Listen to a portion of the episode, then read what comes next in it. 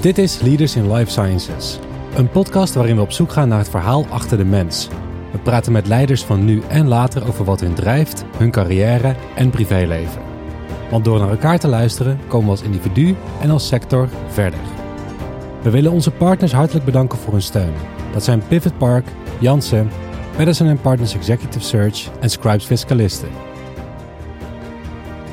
De gast in deze aflevering Henk Westendorp. Uw host is André van der Sande. Welkom bij de 18e Leaders in Life Sciences podcast vanuit Pivot Park in Os. Mijn gast van vandaag is geboren in 1970 in Enschede. Hij behaalde een master in mechanical engineering in 1994 aan de Universiteit Twente en hij begon zijn carrière bij Vitatron, dat later overgenomen werd door Medtronic.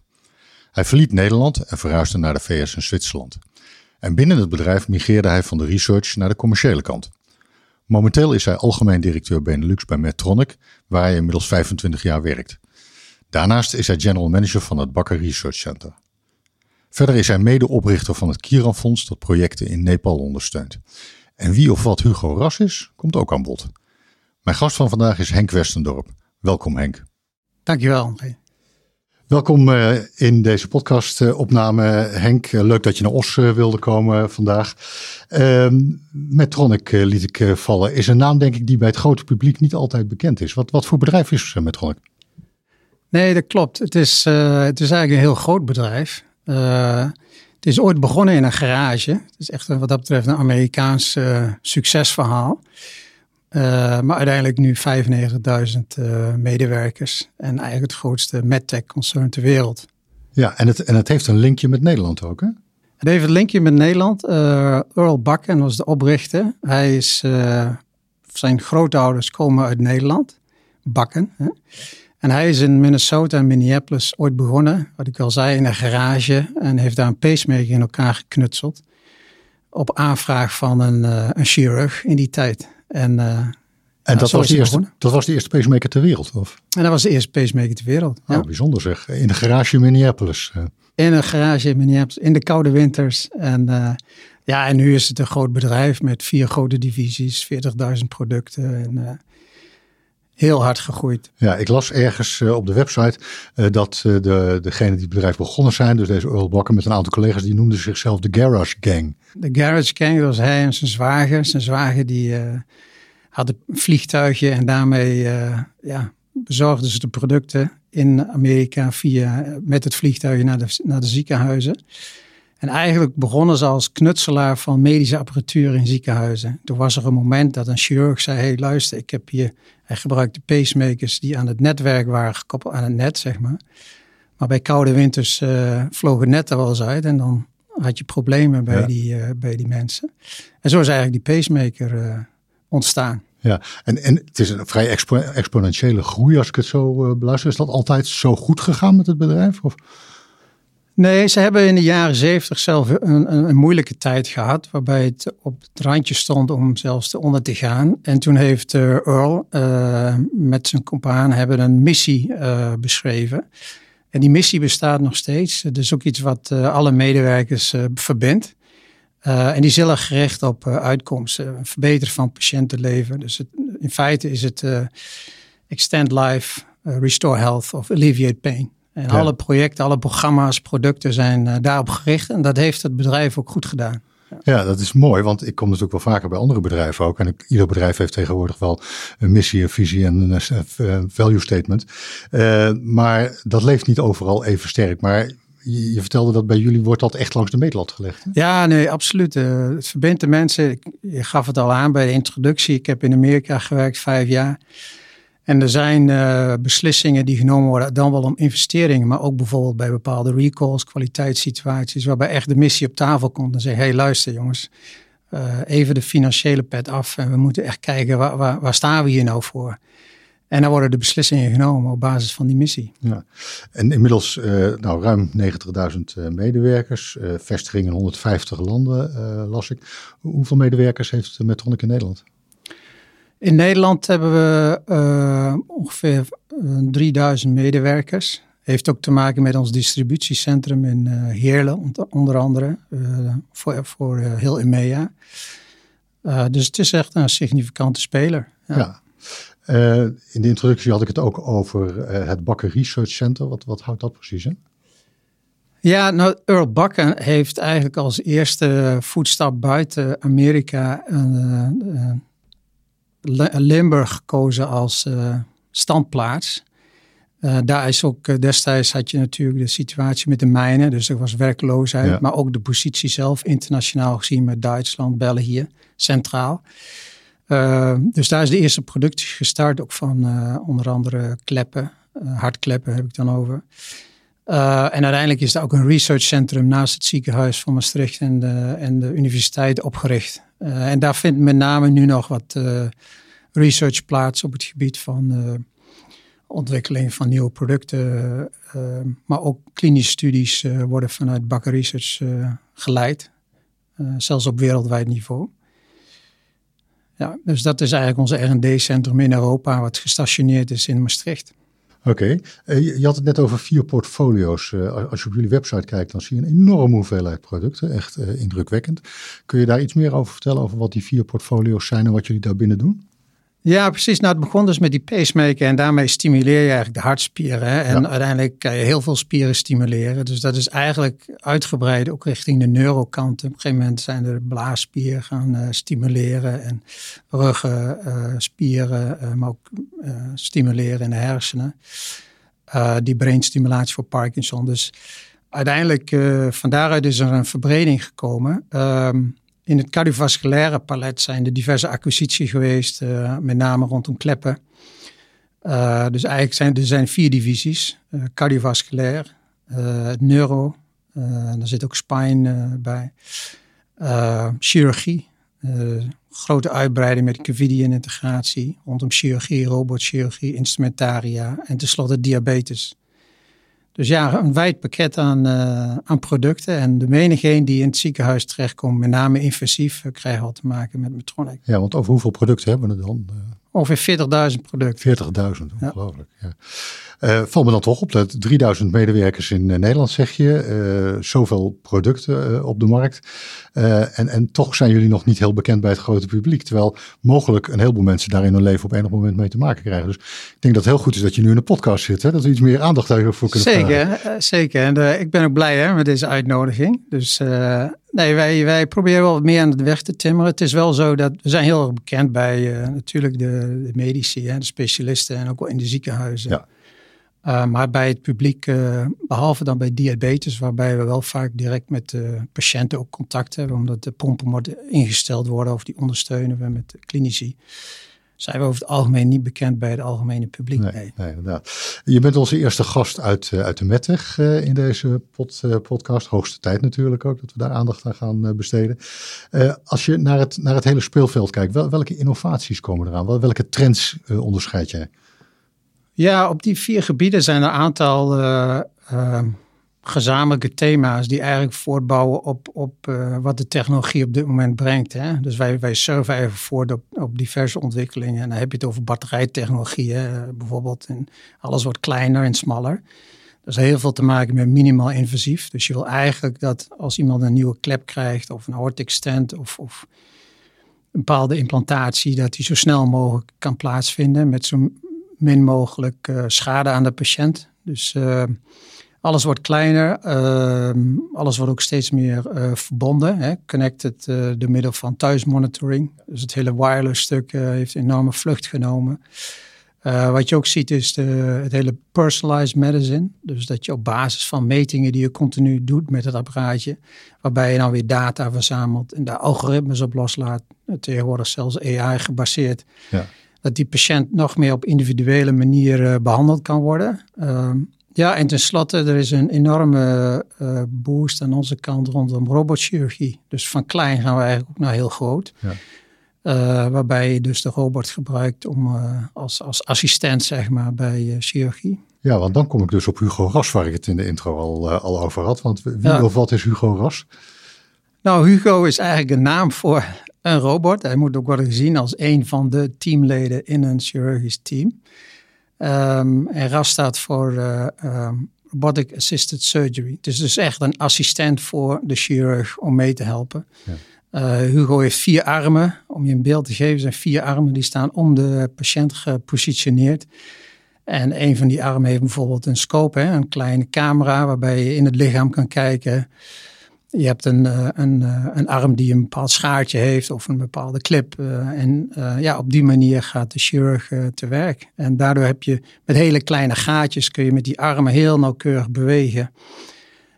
en op die manier eigenlijk minimaal invasief ook weer de procedure uitvoeren. Hugo is nu nog de assistent, als ik je goed begrijp.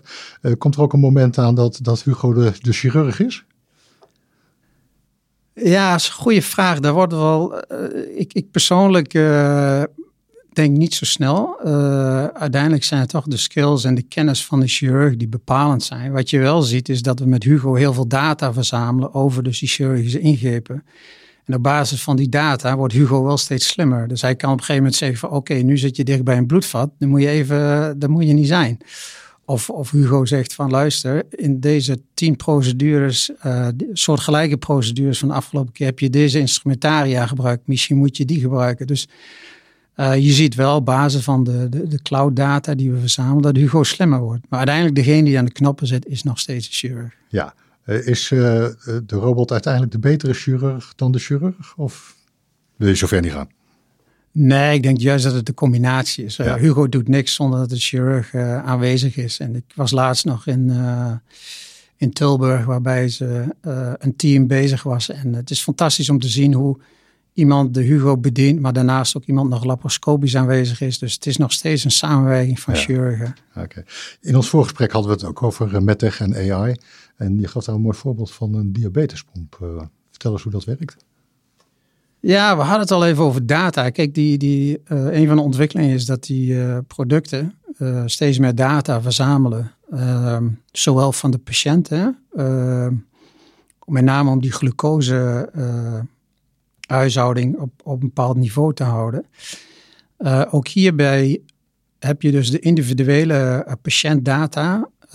die kan gebruikt worden om die patiënt zo goed mogelijk te begeleiden. Aan de andere kant gaat die data ook weer in een cloud, uh, waarbij je eigenlijk een hele populatie uh, data krijgt. En die kan je weer gebruiken om die individuele patiënt uh, ja, betere adviezen te geven. Of dan wel via zijn, via zijn arts. Dus het interessante is dat personalized medicine gaat enerzijds om het product bij de patiënt zelf, maar ook nog eens op, op gekoppeld aan een populatie. En ja, wij zijn ook steeds meer bezig om algoritmes niet alleen maar in het device zelf te bouwen, maar ook in, in de cloud. En dat betekent dus dat er uh, informatie gaat vanuit uh, de device naar de cloud. Maar ook terug uh, naar, naar de diabetespomp in dit geval. Exact, ja. Of naar de patiënt. Ja. En, en daar gekoppeld komt steeds meer data rondom die de patiënt verzamelt rondom zijn dieet of hoe die zich voelt, et cetera. En op basis van dat soort gegevens kan je eigenlijk die patiënt nog beter begeleiden om zichzelf uh, zo, zo goed mogelijk op niveau te houden. En daarmee uit het ziekenhuis te houden en een goede kwaliteit van leven te geven. Ja, ja. Nou is er in de medtech-wereld de laatste tijd, of de laatste jaren moet ik zeggen, al heel veel te doen over de MDR. De Medical Device eh, Regulation. Ja. Uh, welke impact heeft dat op jullie? Ja, enorm. het, is, het is heel begrijpelijk waar, wat de achtergrond is vanuit de MDR. Ehm, wij moeten eigenlijk alle producten opnieuw indienen of hebben we ingediend voor een groot deel. Die gaan de hele cycle door. Uh, er was natuurlijk een grote achterstand met het, uh, het verlenen van de certificaat of het reviewen daarvan. Uiteindelijk is er nu meer tijd, er komt meer tijd hè, eh, vanwege de Europese Unie-regelgeving. Het is wel zo dat, met name als het gaat over nieuwe producten, en ik denk dan ook aan nieuwe innovaties, niet alleen bij ons, maar ook bij bijvoorbeeld start-ups dat het lastiger wordt om, uh, om een snelle approval cycle te krijgen. Ja.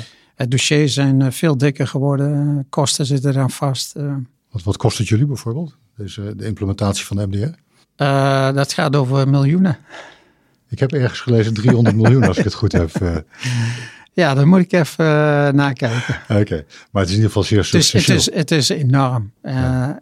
ja. maar daar hangt ook veel aan vast natuurlijk. Het gaat ook over of je de indicaties nog goed gekeurd krijgt ja. en dat soort dingen ja, toch wel interessant om ons te realiseren dat, uh, aan de ene kant klinkt het heel uh, logisch en simpel dat zo'n MDR er komt. Aan de andere kant heeft het natuurlijk voor een bedrijf grote implicaties, waar we denk ik met z'n allen niet altijd bij stilstaan. Helemaal niet dat de kosten zo hoog zijn.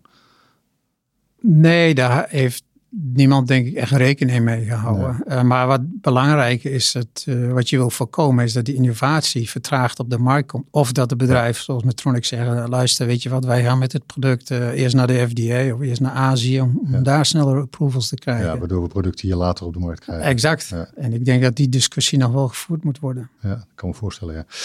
Um, ik zei het in de introductie al, naast, naast je werk voor, voor Metronic en het Bakker Research Center, heb je samen met een zwager ook een fonds opgericht in Nepal. Vertel eens wat meer daarover. Ja, dat klopt. Ik heb, nou, ik heb het geluk gehad om een aantal sabbaticals te nemen tijdens mijn tijd, uh, tijdens mijn werk, ook voor Metronic, uh, voor een paar maanden of wat langer. En tijdens een van die sabbaticals ben ik naar Nepal gegaan. Mijn, uh, mijn zus die woonde, werkte daar, getrouwd met iemand uit Nepal. Nou ja, en als je in zo'n land komt, dan zie je al vrij snel dat, dat je eigenlijk met heel weinig geld kan je mensen heel veel ondersteunen. En uh, we hebben toen besloten om een, uh, om een kleine stichting op te richten die vooral gericht is op educatie, op onderwijs. Er zijn heel veel kinderen die zeg maar zo halverwege de middelbare leeftijd uit school uh, stappen, omdat er gewoon geen geld meer voor is.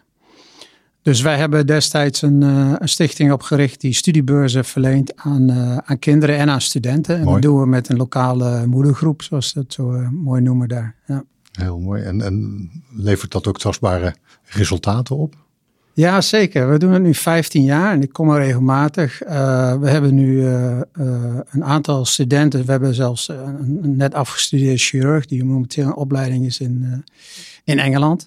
Nou ja, als een jongen ook ouders die gehandicapt waren, nooit, kon nooit naar school, is nu momenteel chirurg. We hebben een IT-specialist en, en ook uh, aanwezig in, in, op dit moment in Japan uh, met een uh, studiebeurs bezig. We hebben tandartsen opgeleid en ook gewoon buschauffeurs en hotelmanagers.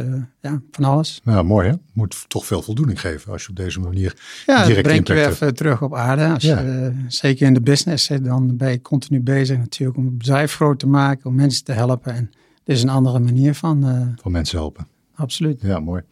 Uh, als we naar jouw eigen schoolcarrière gaan. Uh, je bent opgegroeid in Haaksbergen. Wat voor achtergrond kom je? Wat voor milieu? Hoe ben je opgegroeid?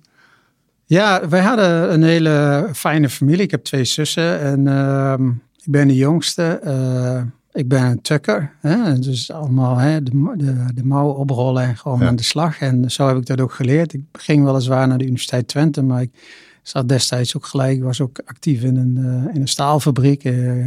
Ik deed allerlei klusjes en uh, nee, mijn ouders hebben me ook altijd ondersteund. Ze hebben, hebben relatief veel gereisd. Uh, de hele familie is uh, al een beetje een, een reisfanaat en ja, altijd een vorm van nieuwsgierigheid. Ja, het is dus niet zo gek dat je eigenlijk zelf ook later expert bent geworden naar het buitenland bent gegaan. Nee, ik denk dat het wel mee te maken heeft. mijn moeder was op jonge leeftijd al een tijd in Engeland, wat voor die tijd heel, heel bijzonder was.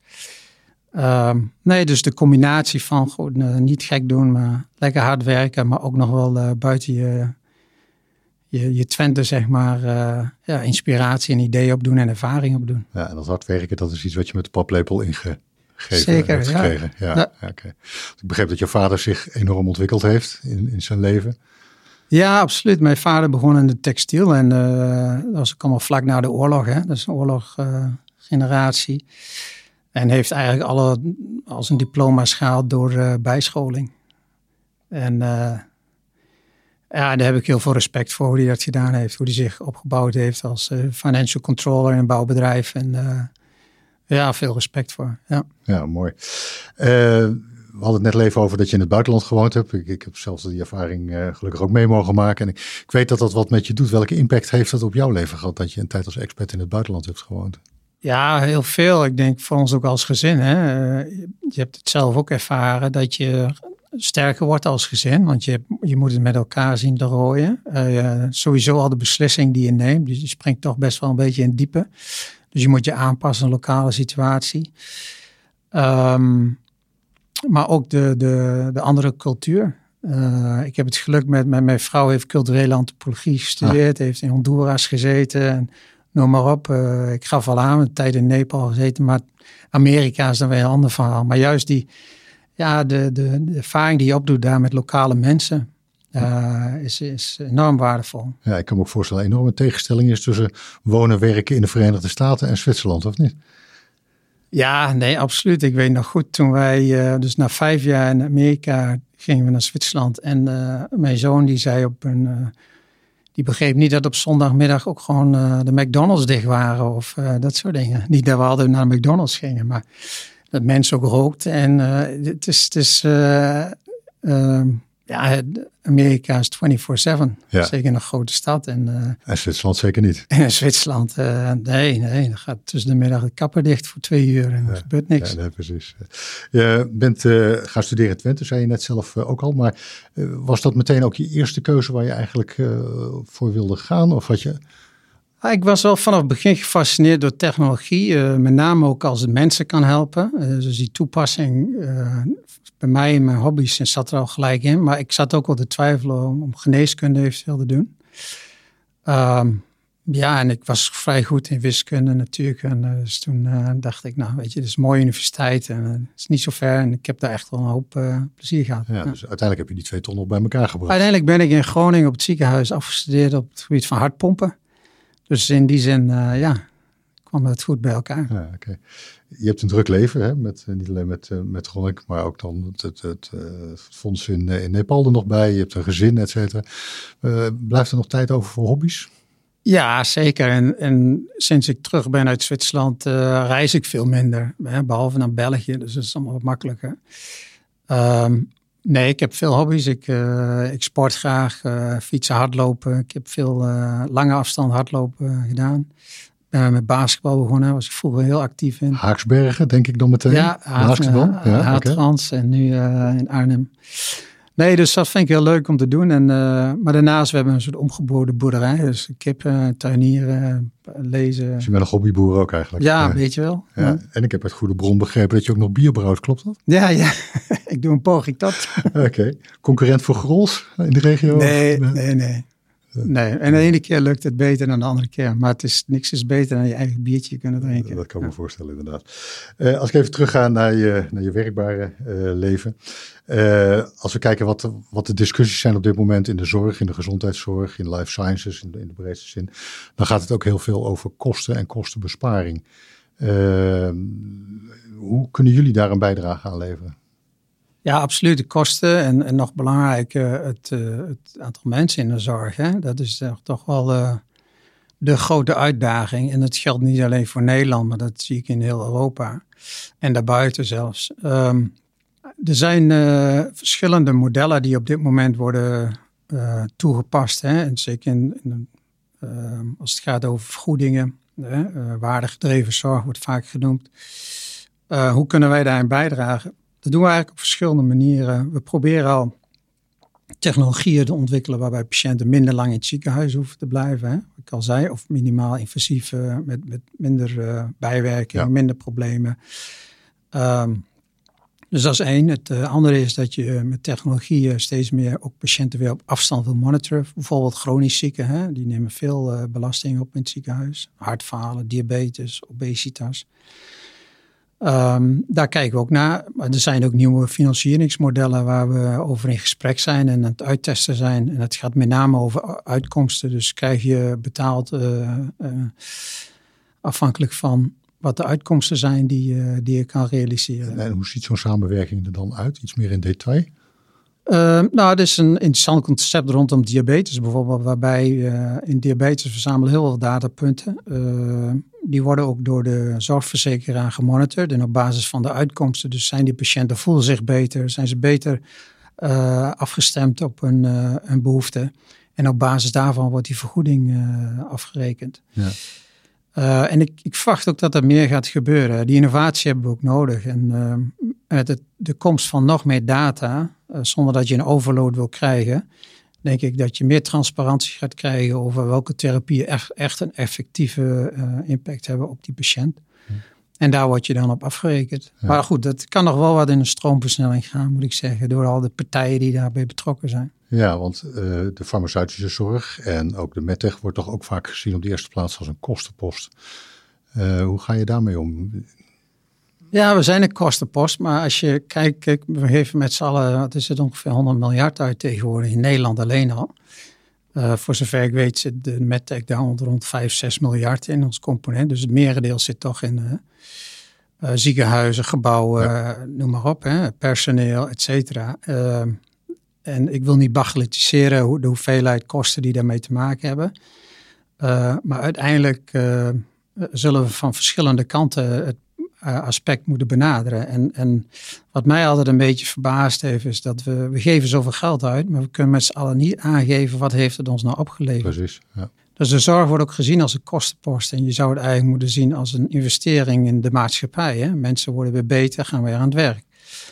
Ehm, maar goed, dat kan je pas doen als je er ook anders naar kijkt. En als je ook uh, daar de medtech in meeneemt. Van, goh, wat, wat, waar willen jullie aan bijdragen als het gaat over meten van uitkomsten? En die transparantie laten zien. En die, uh, die gedachteverandering zal moeten plaatsvinden. En we zullen daar ook niet bang moeten zijn om te gaan experimenteren. Ja. Een van mijn laatste gasten in de podcast was Nico Vermeteren van de topsector. Uh, hij legt uit dat er eigenlijk veel meer aandacht moet uitgaan naar gezondheid en daarmee naar preventie. Leveren jullie daar ook een actieve bijdrage aan om, om meer te focussen op preventie? Ja, zeker. Er is wel. Uh, ook hier speelt dan onder andere de vergoeding een rol. Hè? Dus wij doen best wel veel preventie op het gebied van ritmestoornissen. Kan je in een vroeg stadium een patiënt, uh, al, bij een patiënt aangeven die zij of hij een, een ritmestoornis heeft. En kan dat dan impact hebben bijvoorbeeld op, op meer kans op hersenbloeding. Uh, maar wat je ziet is dat het toch lastig is om daar weer dan een bepaalde vergoeding voor te krijgen. Maar de technologie laat het wel toe. Uh, ik verwacht ook wel dat juist die chronische zorg, die zal aangepakt moeten worden als het gaat over preventie. Uh, dus dan heb je het alweer opnieuw over diabetes, obesitas, ja. hartfalen, dat soort zaken. Sensoren spelen daar een rol in. Dus kan je in een vroeg stadium ook de patiënt zelf meenemen. De patiënt moet je ook meer empoweren en betrekken bij die zorg. Dat het niet te laat is voordat hij het ziekenhuis in belandt. Uh, maar nogmaals, ik denk dat daar we moeten kijken naar innovatieve vormen van financiering. Dus kunnen we een soort subscriptiemodel geven bijvoorbeeld. Um, maar ook wel meer investeren in het preventieconcept. En zeker als het gaat over data-uitwisseling tussen de eerste, tweede en de derde lijn. Nou, en daar willen wij ook een rol in spelen en daar zijn we ook wel mee aan het experimenteren. Ja, uh, naast de aandacht die er is in Nederland voor, uh, voor kosten, uh, gaat er ook steeds meer aandacht uit naar de verduurzaming van de zorg. wat doen jullie daarmee? Ja, dat thema is, is nu echt in opkomst. ik moet zeggen dat dat vanuit MedTech, en dan praat ik over het algemeen, relatief uh, laat gereageerd is, denk ik. Uh, nu langzaamaan begint het wel te komen. En dan heb ik het niet alleen maar over verpakkingen hè, en gebruik van materiaal. Maar ook het hele logistieke proces uh, daarachter. We hebben hier al zelf het distributiecentrum zitten. Ja, in sommige gevallen worden er toch nog met taxis gereden, et cetera. Bij, bij spoedgevallen. Nou, kan je daarop anticiperen, zo simpel. Uh, ook kun je producten bij elkaar brengen in één doos. Nou, daar hebben wij al voorbeelden van. Ongeveer 80, 50, 80 procent van onze producten worden al op maat ingepakt en verscheept. Uh, maar het is ook vooral ook hier weer de, uh, de reisbewegingen richting uh, ziekenhuizen. Dus als je patiënten korter in het ziekenhuis kan houden, veel meer op afstand kan monitoren, is belangrijk. We hebben met een aantal ziekenhuizen een, uh, een scan gemaakt over uh, de hoeveelheid energieverbruik uh, op de OK bijvoorbeeld of in de, op CatLab. en op basis daarvan processen verbeteren. Dus we zijn eigenlijk op verschillende vlakken bezig. Zowel het, reisbewegingen, het logistieke, het, het, procesoptimalisatie en natuurlijk ook de producten. wat je gaat zien is dat je veel meer richting van de disposables, wat jarenlang natuurlijk de trend was, goedkoop disposable, gaan we nu veel meer naar reusable. Ja. Maar dat kost weer tijd om natuurlijk die producten aan te passen, maar die, die beweging is er absoluut. Ja, want ik lees op jullie website dat het doel is om in 2030 CO2-neutraal te zijn in de operatie. En zelfs een net zero emissie te hebben in operatie, supply chain en logistiek in 2045. Ga je er op deze manier komen? Um, Alleen niet, denk ik, even heel eerlijk. Wij, wij doen dat heel erg in, in een zogenaamde co-creatie met ziekenhuizen, maar ook met, met een aantal start-ups. Er zijn kleinere bedrijven, U-Waste onder andere, die helpen bijvoorbeeld met het inzamelen van batterijen. Dus uh, het zit hem heel erg in de samenwerking daar. En, uh, en op die manier ben ik van overtuigd dat we met z'n allen echt de schouders eronder zetten dat we dat moeten kunnen halen. Daarbij volgens mij failure is not an option hier, André. Dit is gewoon... Geen keuze, hè? Je hebt geen keuze. het personeel staat erachter. Het, trekt talent aan in de organisatie. Het geeft, het geeft betrokkenheid niet alleen bij de maatschappij, maar ook weer met, met de zorg. Ja maak even een stapje van de ontwikkeling van producten en, en de toekomst naar, naar jouw persoonlijke ontwikkeling. Want je bent aan de researchkant begonnen, maar je bent langzaamaan wel steeds meer de commerciële kant op gemigreerd. Hoe is dat zo gekomen? Ja, ik ben vanaf het begin meer een generalist geweest. Ik uh, ben ook altijd nieuwsgierig naar uh, nieuwe, nieuwe gebieden. Uh, ik ben eigenlijk vanuit de R&D beland in de marketing en upstream marketing, zoals ze dat mooi in Amerika noemen, waarbij je productontwikkeling doet.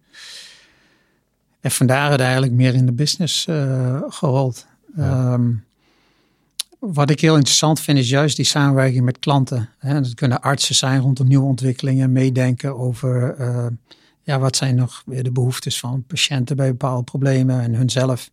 En nu langzaamaan steeds meer op ziekenhuisniveau. En uh, juist die interactie, dat, dat heeft mij altijd geboeid en dat boeit me nog steeds. Ja, het is toch mensen helpen uiteindelijk, hè? Mensen. Ja, uiteindelijk wel. En dan ja, op verschillende vlakken. Ja ja mooi.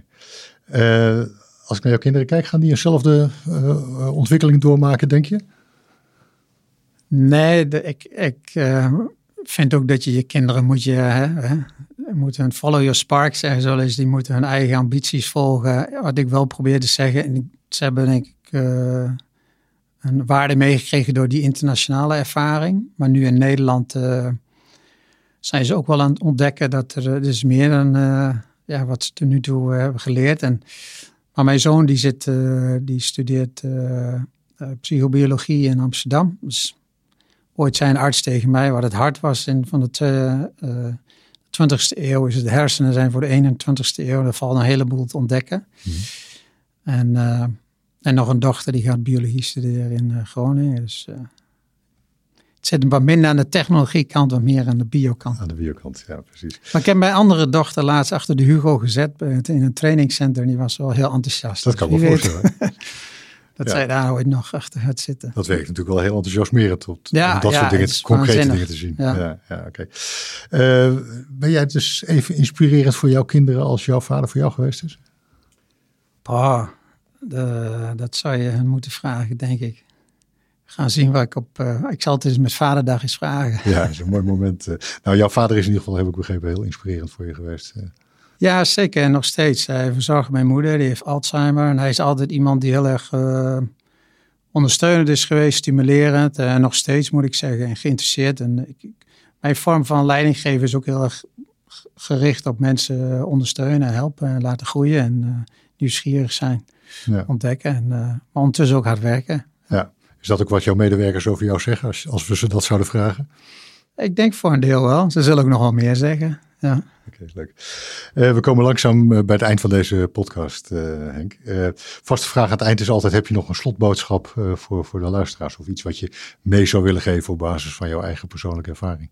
Ja, ik kom toch terug op dat ontdekken en nieuwsgierig zijn. Ik denk, uh, en niet bang zijn. Ik vind dat, uh, en ik merk dat ook sinds ik terug ben in Nederland. Uh, ik weet niet of het typisch Nederlands is. Hè? Het, ik wil niet generaliseren, maar er hangt soms een soort zweem van, goh, alles is moeilijk, gevaarlijk. En of er nou complottheorieën zijn of, of, of crisis waar we met z'n allen zitten. Beetje maar, risicomijdend zijn we geworden, denk ik. Nou ja, kom, om eruit te komen als mocht het al zo zijn dat we in een dal zitten. En natuurlijk zijn er, zijn er onderwerpen die super belangrijk zijn, zoals we net hadden het over milieu. Um, ja, dan kan je niet te lang navelstaren. Dan moet je gewoon ook wel wat opportunistisch zijn, niet bang zijn en dingen uitproberen. En uh, ja, je zult niet in één keer raakschieten, maar je moet gewoon uh, uh, vertrouwen hebben, ook in jezelf en in je team, dat je het gaat oplossen. En, het, en het, het geeft ook weer energie om, uh, om vooruit te kijken. Dus ja, mijn advies zou zijn, wees, wees niet bang en uh, geloof in jezelf en blijf ook wat experimenteren. En durf af en toe uit die comfortzone te komen. Absoluut. Ja, oké. Hartelijk bedankt voor dit hele leuke gesprek Henk. En ik ben blij dat we met Tronic eindelijk een beetje de aandacht hebben kunnen geven die het, uh, het verdient. Jij ook bedankt André. Was me genoegen. Dit was Leaders in Life Sciences. Dank voor het luisteren. Vond je iets van deze aflevering? Wij horen graag jouw feedback. Wat houdt bijvoorbeeld jou bezig en over wie wil je meer horen? Laat het weten via een Apple of Google review Of stuur een berichtje via social media of natuurlijk gewoon per mail. Onze waardering is groot. Tot slot nog dank aan onze partners. Dat zijn Pivot Park, Janssen, Patterson Partners Executive Search en Scribes Fiscalisten.